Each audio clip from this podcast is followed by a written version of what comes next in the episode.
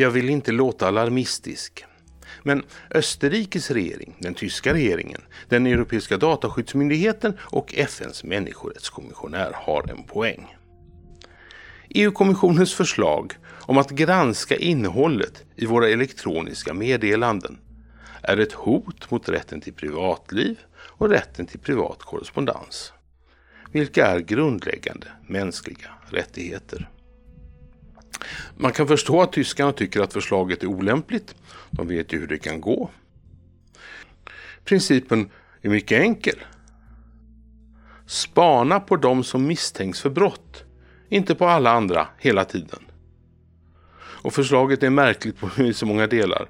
För att skydda barnen på internet vill man bland annat införa en 17-årsgräns för meddelandeappar, vilket känns direkt verklighetsfrånvänt.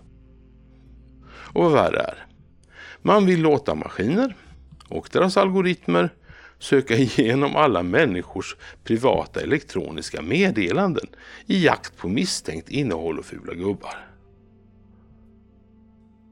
Kommissionen den vill använda AI för att identifiera misstänkt innehåll.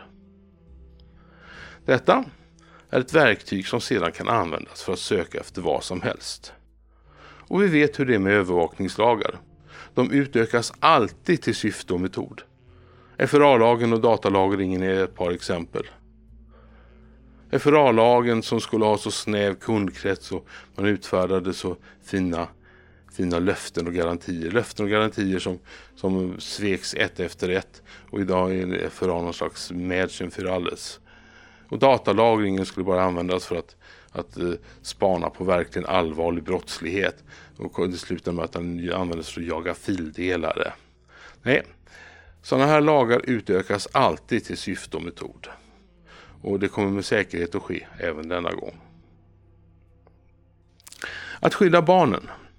Det är bara en lämplig känsloladdad murbräcka för en närmast allomfattande övervakning av alla människors elektroniska meddelanden. Ändamålsglidning är enkelt ordnad då en ny myndighet knuten till Europol ska utforma verktyget. Sedan räcker det med ett klubbslag för att utöka syftet, vilket som sagt är vad som brukar ske. En nördig detalj är att förslaget, som allmänt kallas shared control, hänvisar till den inre marknaden som rättslig grund. Man litar inte på att medlemsstaterna kan sköta saken och därför ska nu allt centraliseras till Bryssel, eller rättare sagt till Haag. Och, och nu kommer det viktiga. Man tar inte medborgarnas rättigheter på allvar utan man väljer att istället vifta bort dessa. Här är ett citat ur den inledande texten på sidan 13 i EU-kommissionens förslag. Jag citerar. Samtidigt påverkar åtgärden i förslaget i första hand utövandet av de grundläggande rättigheterna för användarna av tjänsterna i fråga. Slutcitat. Jaha. Det var ju bra att man erkände det. Förslaget är ett hot mot vår möjlighet att utöva våra grundläggande rättigheter. Det står där, svart på vitt. Eh, vi fortsätter, citat. Dessa rättigheter omfattar i synnerhet de grundläggande rättigheterna till respekten för privatlivet, parentes börjar bland annat att all kommunikation är konfidentiell som en del av den mer allmänna rätten till respekt för privatlivet och familjelivet. Stäng parentes, kommatecken skyddet av personuppgifter samt yttrande och informationsfriheten. Okej. Okay.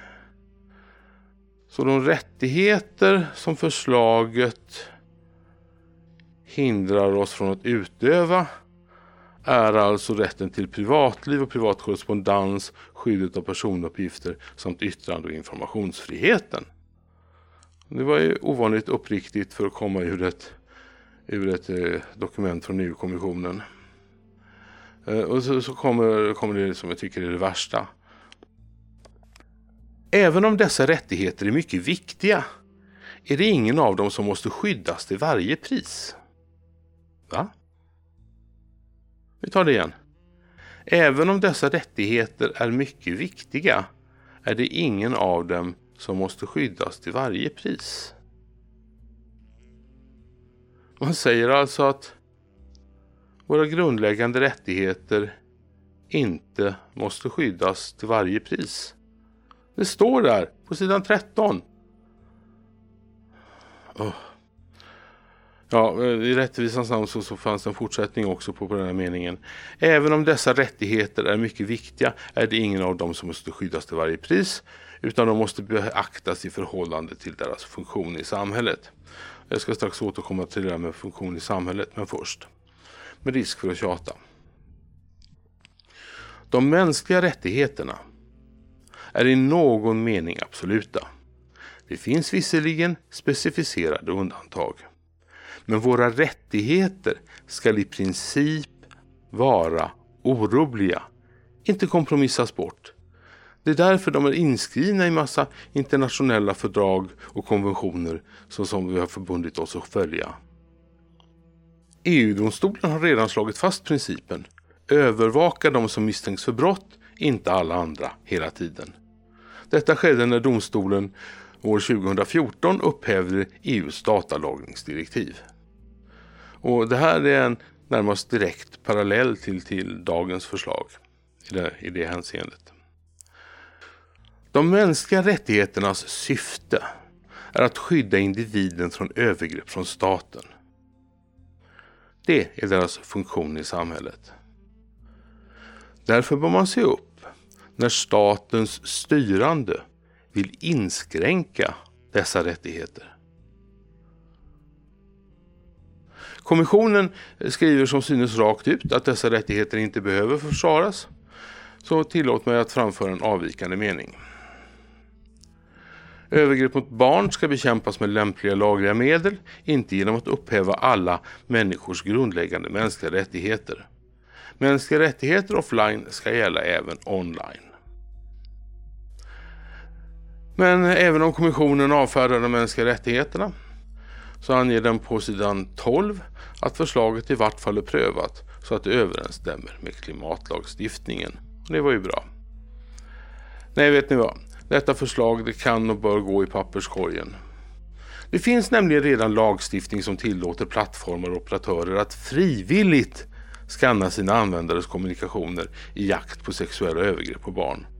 Vilket sker på bred front redan nu, idag. Vad den nya lagen syftar till är att göra sådan övervakning obligatorisk. Och den ska ske med EUs egenutvecklade sökverktyg istället för med de verktyg som redan framgångsrikt används idag. Allt detta under överinseende av en ny myndighet kopplad till Europol. Ja, vad kan möjligen gå fel? Den svenska regeringen, som just nu är ordförandeland i EU, bör göra gemensam sak med Österrike och Tyskland och säga nej till shared control. Om inte annat så på grund av EU-kommissionens slappa förhållningssätt till de grundläggande mänskliga fri och rättigheterna. Du följer utvecklingen på 5juli.se.